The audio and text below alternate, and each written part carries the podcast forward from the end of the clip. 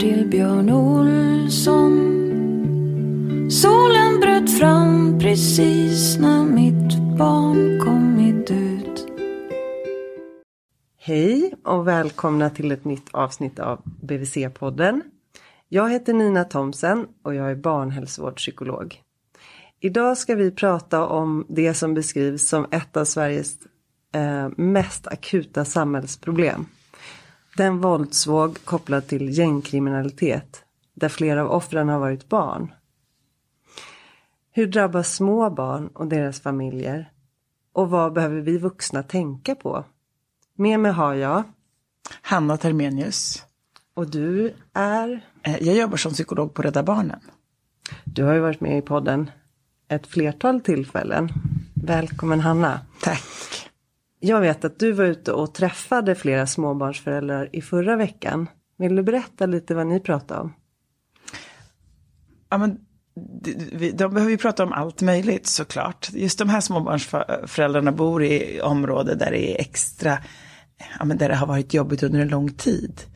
Eh, men där det har varit extra jobbigt nu, både utifrån, tänker jag, samhällets och medias klimat och hur man pratar, men också utifrån att våldet på något sätt har kommit närmare, har kommit närmare oskyldiga och närmare familjer som kanske har en avlägsen koppling till de som, som tidigare har varit i konflikter. Så att, så att det är familjer som är extra drabbade och som känner någon som har dött eller har en väninna vars barn har gått bort eller så. så vi pratar mycket om det. Vi, de, de har ju såklart eh, både stor oro här och nu, stor oro för sin egen vardag och det tänker jag är viktigt att vi tänker att vi ska återkomma till och prata om.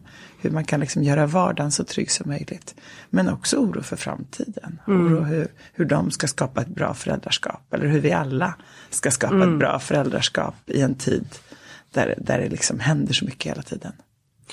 Jag hörde faktiskt om en pappa som tog upp på sitt, eh, det här enskilda föräldrasamtalet på BVC. Då är ju barnet bara fyra månader.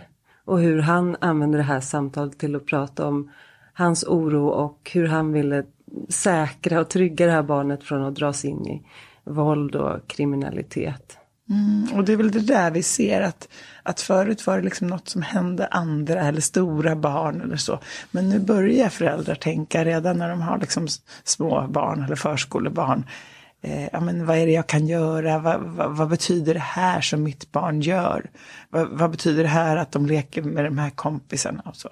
och det tänker jag har att göra med samhällsdebatten också. Vi pratar om att de här barnen går och ser redan i förskoleåldern. Eller vi pratar om att här behöver vi sätta in det för att föräldrarna inte har haft dem tillräckligt tidigt på förskola. Eller det, det kommer en massa olika sådana tankar. Och som är säkert till viss del sanna och riktiga på liksom gruppnivå. Att ju mer vi har en jätte, jättebra förskola som alla barn får del av och där de lär sig mycket liksom, kunskaper som de sen har nytta av i skolan så kommer ju det vara ett, ett skydd på gruppnivå. Men på, hos den individuella föräldern så blir det som att om jag bara kan göra lite annat så kommer jag kunna skydda mitt barn. Och det blir en otrolig stress.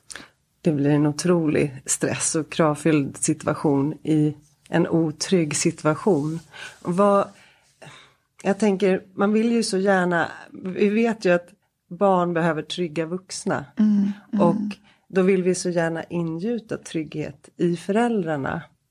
Men när man själv då möter föräldrar och är lika ny och oinsatt och oroad av den här situationen själv och möter en förälder som man kanske har vaknat till skallret av en sprängning till och med eller till löpsedlar och så vidare. Hur, hur kan man hjälpa till och trygga föräldrar så att de kan vara Ja men fullt ut så kan vi inte och det är väl det som känns jobbigt just nu. Att vi kan inte fullt ut säga att det kommer inte sprängas i ditt område eller nu kan du, du kan vara helt trygg och du och dina barn kan vara helt trygga. Men vi måste ju fortfarande komma ihåg och hjälpa till och tänka kring det. Att det är ovanligt och att det oftast inte händer någonting.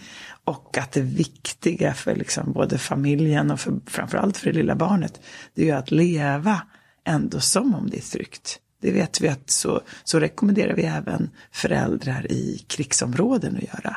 Att försöka leva med sitt barn som om det är tryggt. Men då, gäll, då gäller det ju för oss andra vuxna.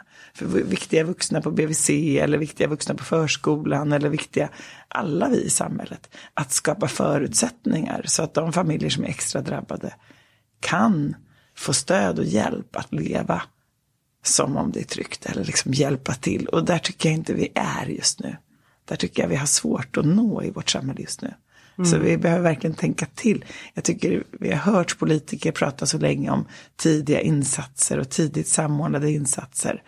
Och, och, ibland, och ibland så blir det som att de tidiga är, är tidiga när barnet börjar skolan. Men jag tänker att det är jätteviktigt att skapa trygghet tidigt. Och det finns ju, det finns ju såklart jättefina exempel med liksom förstärkta hembesöksprogram och annat. Men det gäller ju då att få föräldrar att vilja vara med på dem och att vilja delta och att de sprider ringar på vattnet. Att det inte bara blir ett förstärkt hembesöksprogram utan ett förstärkt samhällskontrakt eller förstärkt, en förstärkt vardag. För det är det vi behöver. Mm. Och det är ju många som, som eh, känner en frustration. Man sitter på BVC, man träffar många föräldrar och man ser eh, riskfaktorer eller saker som man, där man vill hjälpa till, där man vill eh, lotsa föräldrar till olika insatser. Och där man upplever att föräldrar inte tar emot och, eh, av olika skäl och det kan vara rädsla och så vidare. Vad, vad kan man, hur kan man göra för att motivera föräldrar att ta emot de insatser som finns? Jag tror att, att styrkan ligger i ordet lotsa. Ja. Jag. Att, det, att lotsa det är inte att säga eh, ja, men det finns en bra öppen förskola där borta eller eh, det finns en föräldrarådgivare som kan hjälpa dig. Utan lotsa är att vi tänker på hur vi liksom kedjar ihop samhället. Och där tänker jag att vi kan behöva liksom civilsamhället som, som jag jobbar inom, eller vi kan behöva andra krafter. Men vi behöver jobba tillsammans. Eh, vi ser att, att det finns jättebra liksom, insatser från kommun eller stadsdelar i, i hela Storstockholm eller i hela landet. Eh, men att föräldrar inte kommer dit och då behöver vi tänka, vad är det vi inte har knutit tillräckligt nära? Och BVC är ju en otroligt viktig viktig spelare i den här leken. Men BVC har också extremt mycket i sitt knä. Så jag tänker att för att BVC ska kunna vara den här lotsande så, eh, fyren eller vem det är som ska peka, då behöver ju den ha, de andra behöver ju komma och närma sig BVC. Det finns ju ingen BVC-sköterska som i sin, i sin bastjänst, sen kan man ju önska att man hade utvidgade tjänster, men det finns ju ingen som i sin bastjänst hinner ta med en familj under armen och säga nu går vi till öppna förskolan idag och sen går vi och träffar familjerådgivare på socialtjänsten imorgon. Och så ser vi vad vi kan göra på biblioteket i övermorgon. Utan det här behöver någon annan göra. Men, men det vi märker från Rädda Barnens sida det är att, att föräldrarna har inte fått den här, den här någon annan har inte dykt upp. Eh, utan vi behöver fundera på, är det så att vi alla är någon annan? Är det så att vi alla kan göra, ta ett litet kliv så att vi närmar oss varandra? Eh, för det tror jag också är sådär att när du beskriver att jag är ute och träffar familjer, det är inte bara jag som är det, det är ju jättemånga som är det. Men jag tror att bara vara där, att träffa familjer, att liksom, att vara där liksom, eh, ja, men vi har ju olika mötesplatser, att finnas i trapphuset, att småprata lite, att tänka till kring hur blir det för er att gå hem nu när det är otryggt och, och, och obehagligt. Det ger, ger mig massa information om hur vi behöver jobba. Eh, om du ska ha upp en förskola till exempel, eller vill att det ska vara en föräldragrupp och föräldrar ska komma, då kanske vi behöver, precis som vi Rädda Barnen ofta gör i våra barn och ungdomsverksamheter, vi kanske behöver ordna med ett tryggt gångtåg dit. Eller så här. Var hämtar vi upp föräldrar? Hur går vi med föräldrar till att kunna komma till ett föräldra, en föräldraträff? Eller vad, vad kan vi göra? Så att alla delar av samhället, inklusive civilsamhället, behöver kroka arm för att den här lotsningen Ja, men jag tror ske. det. Mm. Vi behöver kroka arm i det, liksom, i det långsiktiga men också i det vardagsnära. Mm. Och jag tror vi är så himla duktiga på att kroka arm i det långsiktiga och tänka att nu söker vi pengar för ett projekt och sådär. Jag tänker att föräldrar vill inte ha några fler projekt. De vill ha viktiga vuxna, stabila vuxna som finns på plats. Hur arbetar ni på Rädda Barnen med de här frågorna? Ja, det, vi är ju en stor organisation, tack och lov. Så att Eh, vi, vi jobbar på i våra verksamheter. Vi har ju olika verksamheter runt om i landet, men specifikt i, i Stockholmsområdet så har vi verksamheter framför allt i Haninge, Jordbro och i Järva. Men vi har också mindre verksamheter på andra ställen.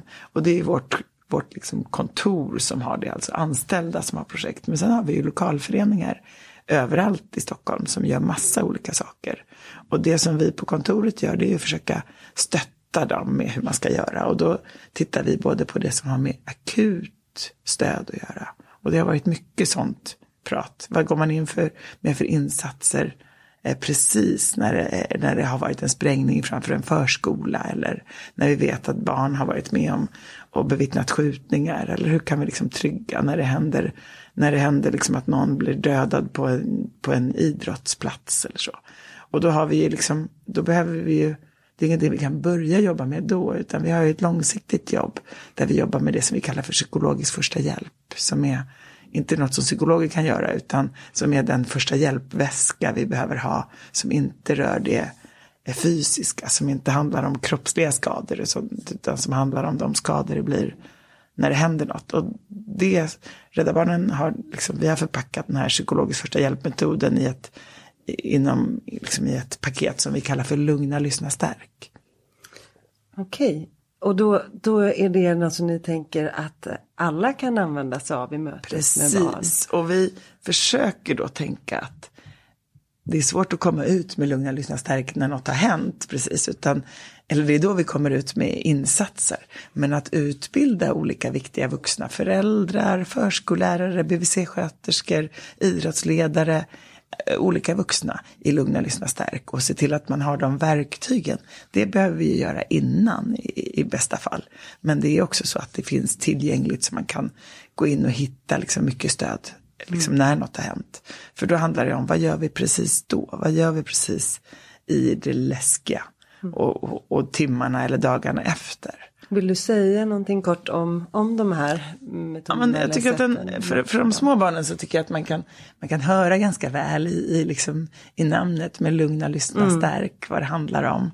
Eh, men jag kan, det, det bygger egentligen på fem principer, så vi kan prata lite om varje princip. Och sen är det ingenting man kan komma ihåg och ha i huvudet. Men, men det första är liksom att man skapar någon slags form av trygghet när något har hänt. För vi vet, och det här har vi pratat om säkert i någon annan podd, men när det händer läskiga saker då går ju kroppens alarmsystem igång.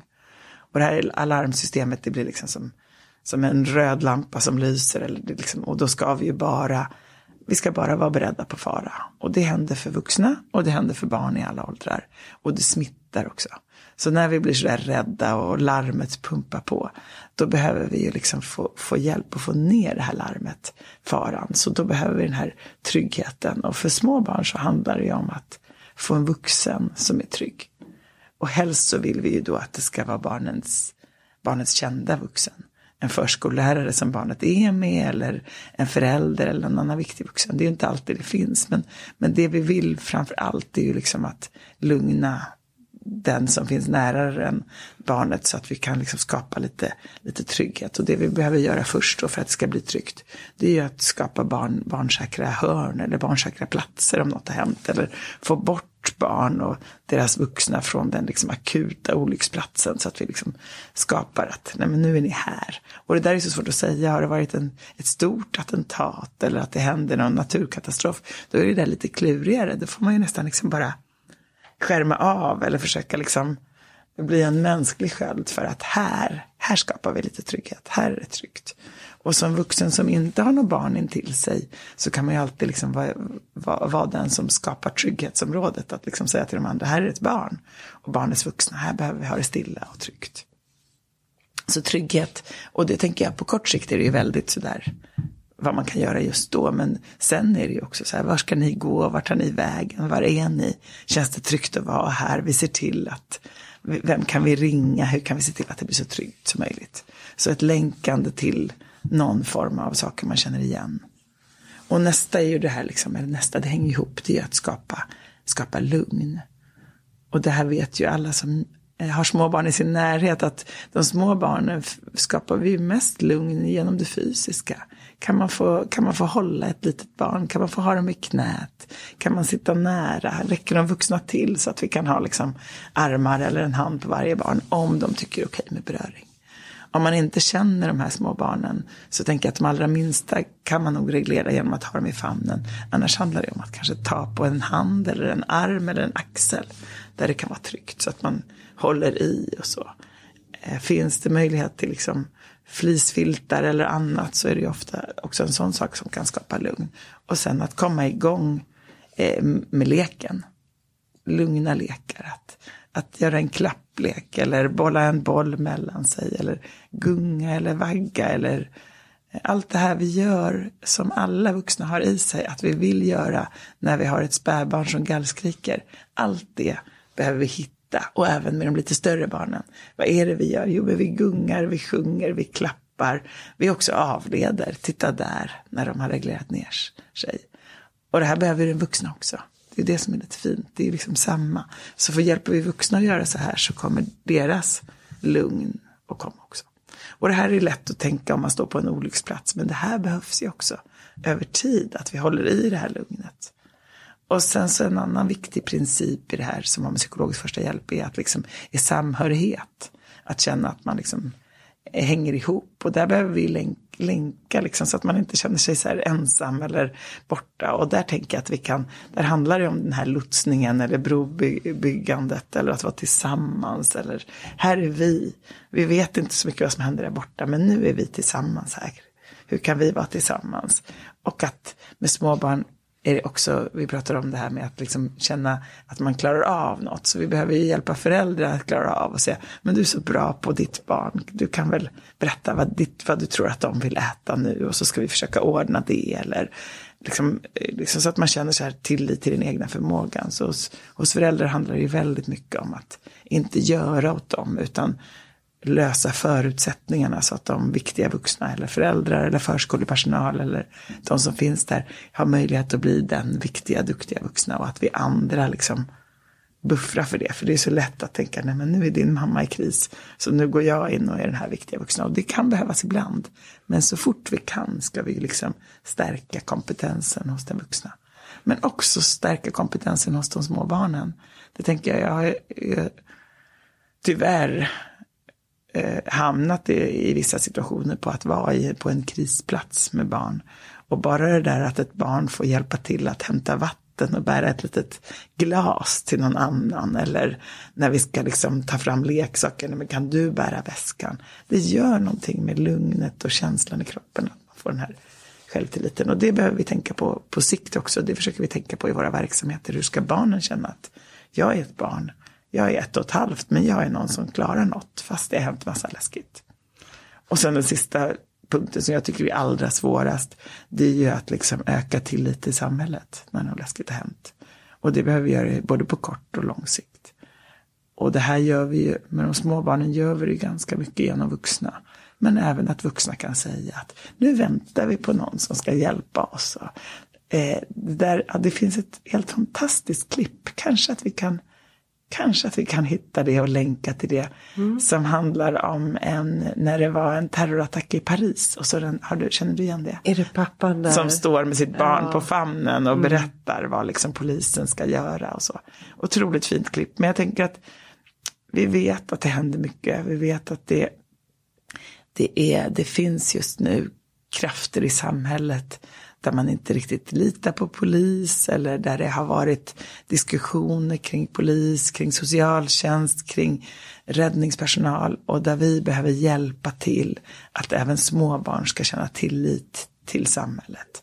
Tänk vad skönt att polisen åker här ute för att hjälpa oss. Och nu kommer det många här. Det är rörigt men alla vuxna här är här för att de ska ordna så att det blir bättre. För det där sår ett frö som barnen behöver ha med sig. Att jag, att jag lever i ett, i ett land på en plats där, vi ändå, där det finns liksom en tillit till samhället. Det här blev som en lång mm. uppsats men det här kan man hålla på med hur länge som helst. Ja men principerna känner vi igen. Så det känns som att det du, det du pratar om, jag tänker att, att stärka föräldrar i att känna sig kompetenta och barn eh, och att det är lugn som ger lugn, att lugna vuxna ger lugna barn. Det här känner vi ju igen från föräldraskapsstöd i alla, alla de former. Precis, och, och det, det, som är, jag tänker att eh, BVC-sköterskor är ju ofta de som är liksom klippor i det här. Ja. Det är de, som, de är så tränade, så, ja. så därför är det ju också så att vi vet ja. att föräldrar och, och kommer sannolikt att vända sig till BVC när det blir stressigt och läskigt. För där vet man att man kan få det här stödet. Så det blir en ömsesidighet som blir fin men krävande. Mm. Och vi hör ju eh, BVC-sköterskor som du säger får ta emot och när det har hänt något men också den allmänna oron som den här pappan mm. som delade med sig och andra föräldrar med honom. Uh, men även att det kan vara någon som kommer och pratar om äldre syskon som är på avvägar och man är jätteorolig. Uh, och då är det inte direkt det barnet som du har på BVC som det berör. Finns det, finns det sätt som du tänker är bra att stötta på då? Ja men det är ju så att det, det, är ju inte så kanske att de som kommer till BVC bara har ett barn utan att det finns äldre syskon mm. eller det finns eh, föräldrars egna yngre syskon. Alltså det kan vara allt möjligt. Mm. Och, och, man, går, man går, eller många går till BVC för där är det tryggt, där känns det tryggt att berätta om de här sakerna. Eh, och vi har också sett att det har inte varit så, på, i alla områden har det tyvärr inte varit öppna famnar med vart man ska gå eller vem man ska gå till eller här finns jag från socialtjänsten. Du kan prata just med de här, om de här frågorna. Så att det blir ju viktigt att, att ta emot det där som en, som en, eh, gåva, att de kommer just till BVC, men, men utifrån BVCs eh, möjlighet att jobba så behöver man ju liksom ta den där gåvan vidare ganska snabbt. Och, och då är det ju så, att jag tror att liksom det, vi, det vi har att jobba med, det är att man behöver vara trygg med vad stadsdelen eller kommunen har att erbjuda. Så att man på ett tryggt och stabilt vis kan länka föräldrar dit och säkra upp att föräldrar inte blir avvisade när de länkas dit. Och det handlar ju om att man ska länkas dit när det gäller oro, när man behöver mer stöd, när skolan inte fungerar, när det är ett barn som är på glid, när det är mycket konflikter kring vad man får och inte får göra hemma, när man, när man misstänker att barnet eh, hamnar i kretsar där de inte ska vara, och det kan ju vara ganska små barn, då behöver man vända sig dit. Eh, men man kan också hjälpa till att, om det känns obehagligt, att faktiskt länka dem till, till eh, skolhälsovården till skolsköterska och skolkurator. Och många skolor har ju också nu börjat med skolsocionomer. Alltså skolpersonal som är eh, som också är, eller de finns som personal på skolan men de är en del av socialtjänst. Och det kanske är någonting, vi kanske skulle behöva ha förskole och BVC-socionomer som gick däremellan eh, också. Men, men jag tänker att, så att länka dit. Sen så, sen så om man känner att man vet inte alls vad man ska ta vägen så är det ju glädjande att precis i dagarna, och det kanske inte räcker så långt, men, men BRIS har fått ett utökat uppdrag av av regeringen att hjälpa till med lotsning när barn oroar sig för gängkriminalitet själva, att, ska, att de ska bli indragna och när föräldrar oroar sig. Och då säger jag hjälpa till med lotsning. Men då kan man, barn kan ringa dit, men det finns också föräldratelefon och just nu på svenska, arabiska och ukrainska tror jag. Men man kan ringa dit och där kan man liksom få hjälp att liksom problemlösa kring hur tar man kontakt, vad kan man, hur kan man få tag i någon och hur kan man göra. Så här har vi en sån här arm att kroka i. Mm, som är en telefonarm är en då, telefonarm. Men, men ändå någon arm mm. att börja med. Men de här små barnen, för nu pratade vi lite om, om, skolbarnen och elevhälsan och så. Och de är ju mer i större grad eh, direkt drabbade och indragna och eh, har ett annat mediaflöde och sådär. Medan de små barnen kanske inte tar del av nyhetsflödet, kanske inte ens kan riktigt greppa vad en skjutning innebär. Och eh, samtidigt så undrar man som förälder Uh, hur påverkas mitt barn om det är otrygghet i, i vårt område och det händer saker runt omkring oss? Hur kan man prata med små barn? Hur kan man uh, liksom luska i det här utan att börja prata med barnen om saker som de kanske inte alls förstår eller... För de det där vi önskar ju vi önskar att vi kan tänka så här, ja men det är bara, det är bara skolbarn som det gäller när det mm. handlar om mediaflöden eller att det händer saker i samhället. Men, men även fast man är pytteliten så har man ofta två öron och ett, ett jättekänslobarometer i kroppen liksom, som känner av. Så att, eh, vi kan nog sluta oss till att även småbarn kommer känna av otrygghet. Mm. Och kommer märka av att, att ens föräldrar har varit mer upptagna. Särskilt om man är drabbad, om man är orolig. Jag tänker det händer ju saker i Sverige just nu men det händer ju också saker i världen. Där man som förälder kan ha liksom koppling till det och ha släkt man är orolig för. Eller man har tidigare erfarenheter av att ha levt under krig och konflikter och så här, så att det blir mer berörande. Och där tänker jag att vi behöver eh, hjälpa barn. Dels behöver vi hjälpa vuxna att hitta sitt lugn och kunna liksom, när behöver du, när kan du trycka på din orosknapp och titta på nyheterna och prata med andra vuxna och när behöver du stänga av den. Och där behöver vi hjälpa till att den behöver vara avstängd ganska mycket när man är hemma med ett litet barn. Om man är hemma med barnet, för barnet känner ju av och de behöver en vuxen som är tillgänglig ganska mycket. Men med de lite större småbarnen, där man ändå börjar prata och ha ett språk, då tänker jag att man behöver nämna då och då. Ja, du, du har hört att det har skjutits här nära en förskola. Och att, liksom, att de kan nicka och fråga och så. Och att verkligen vara snabb att säga, och nu har man tagit hand om det, nu är det tryggt, nu är det lugnt. För annars så går ju de och tänker mm. att det här kanske pågår och de kanske har bilder och tankar. Så att, så att hjälpa till och förklara och reda ut. Och särskilt när man kanske går förbi eller ser en polisbil eller hör något starkt ljud eller så. Men också om man har syskon som pratar och kollar och sådär. Så och det hör vi när du pratar, det är ganska konkret och det är ganska få ord. Ja, men inte, vi behöver inte vara oroliga för att liksom, vi tänker ofta väck inte den björn som sover eller de små barnen ska inte behöva veta att det händer. Ofta vet de redan det. Och om vi bara petar lite grann, om vi bara frågar lite grann eller kastar ut en krok där vi säger att har du hört om att det var bråkigt i vårt område igår eller så. Så kan man liksom få, få en nick eller inte en nick och då kan man också kanske inte prata om det men leka om det, visa, lekprata och som vuxen säger jag för det var jättebråk och det var någon som kom in och gjorde dumma saker. Men nu har polisen sagt att de får inte vara här. Så nu är vi här det är bra att du berättar för mig om du blir rädd. Ja, och du pratar om att leka tillsammans. Eh, men vi vet ju också att barn ofta uttrycker det de är med om eller det som rör sig i deras huvud i leken. Mm. Om man ser att ett barn plötsligt som inte brukar det plötsligt leker mycket pang-pang eller vad det nu är. Eh, som man blir uppmärksam på. Ja men jag tänker att det är bra i stort. Det är fint att få leka det, för vi, vi vill ju att de här sakerna ska vara pratbart och leken är ju barnets sätt att prata. Eh, så där kan vi ju som vuxna gå in och säga oj men skjuter de här och ska jag hjälpa till? Och ofta vill ju barn då inte att man ska liksom göra ett lyckoslut direkt för de behöver ju få jobba med det. De vill ju inte så här och nu kommer polisen och nu försvinner alla utan man behöver ju vänta in lite.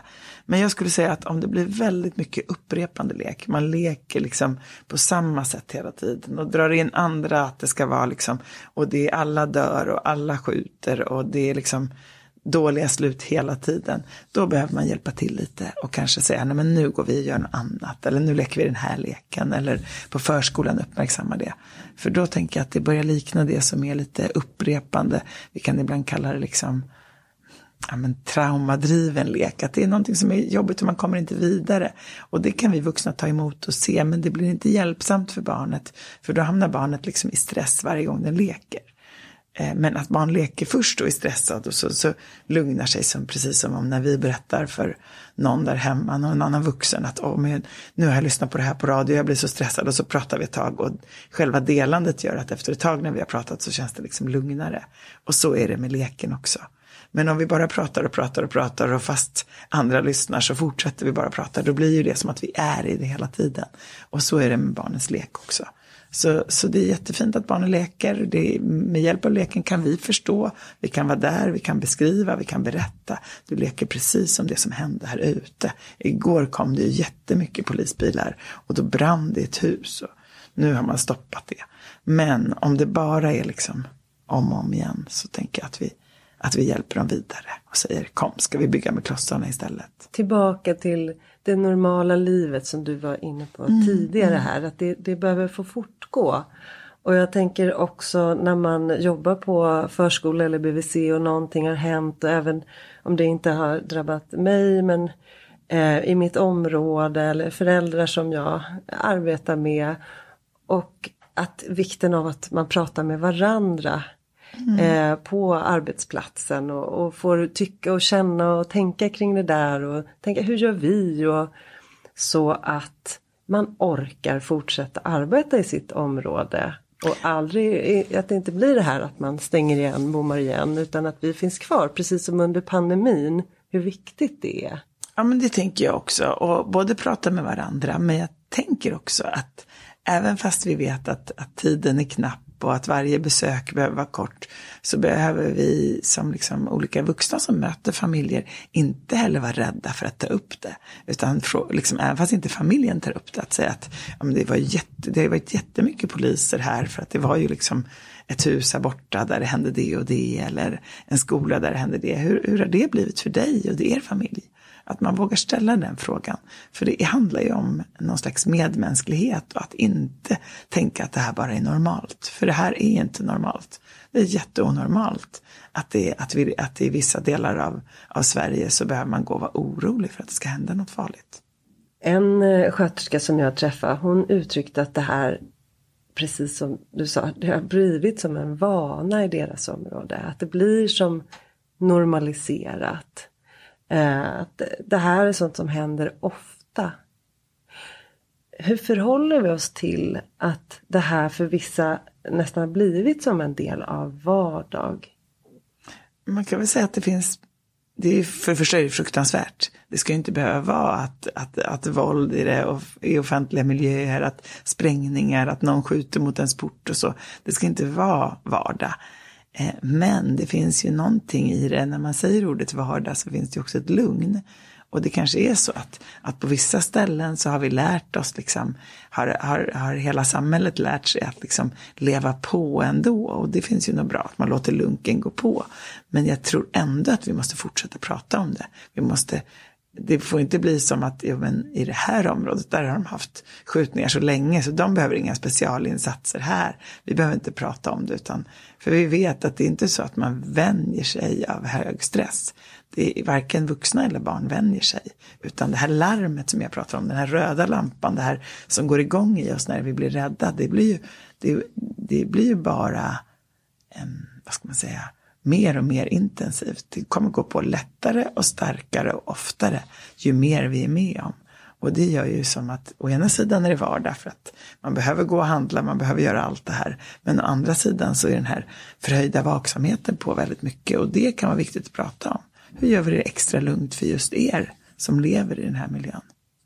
Så då kan det vara så att man kanske blir mindre hjälpsökande och lyfter det här mindre med, med människor runt omkring sig därför att det blir vanligt att gå och handla med den röda lampan på. Ja men precis. Och det är ju en risk för barn i förlängningen. Att ha föräldrar som är helt upptagna av att alltid kolla, kolla sig bakom ryggen när man går och handlar. Eller att alltid tänka att nej men vi, vi är inte i lekparken senare än klockan fyra för då är det obehagligt. Eller så att jag tänker att vi ska inte, det är fint att det får bli en vardag, det är fint att inte livet stannar av. Men vi ska aldrig låta det tänka att det ska få vara en vardag. Vi ska hålla igång våran vardag, våra BVC, våra förskolor, våra eh, gator ska vi befolka. Eh, men våldet är inte en del av den vardagen.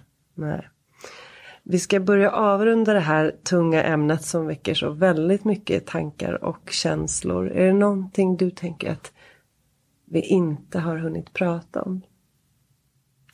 men jag, i, ett sånt här, I ett sånt här samtal så vill man ju gärna också prata om politik och fördelningspolitik. Så jag kan inte låta bli, jag vet inte vilka som lyssnar. Eh, men vi behöver ju komma ihåg att för att kunna vara de här vardagshjältarna eller vardagshjälparna, både som förälder eller som sköterska eller på förskolan eller som annan viktig vuxen så behövs det ju både tid och möjligheter.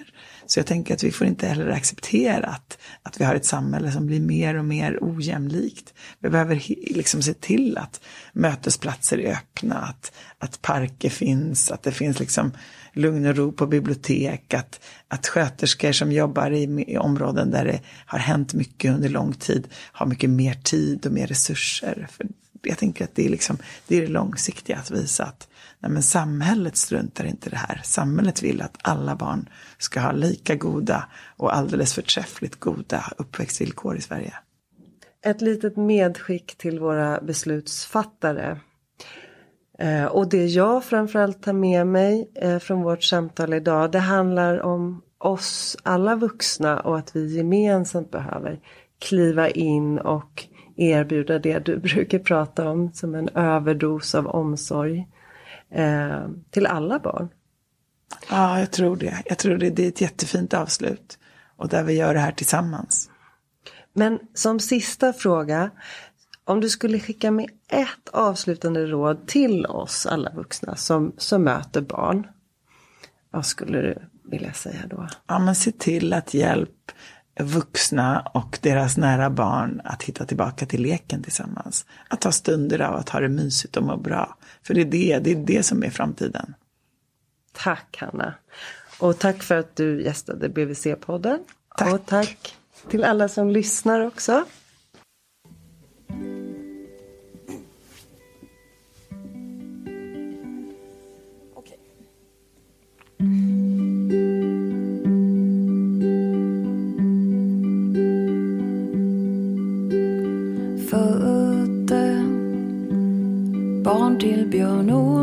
Sång. Solen bröt fram precis när mitt barn kommit ut Låg i en pöl av svett och blod Barnmorskan sa jag såg din spelning på Luleå kulturhus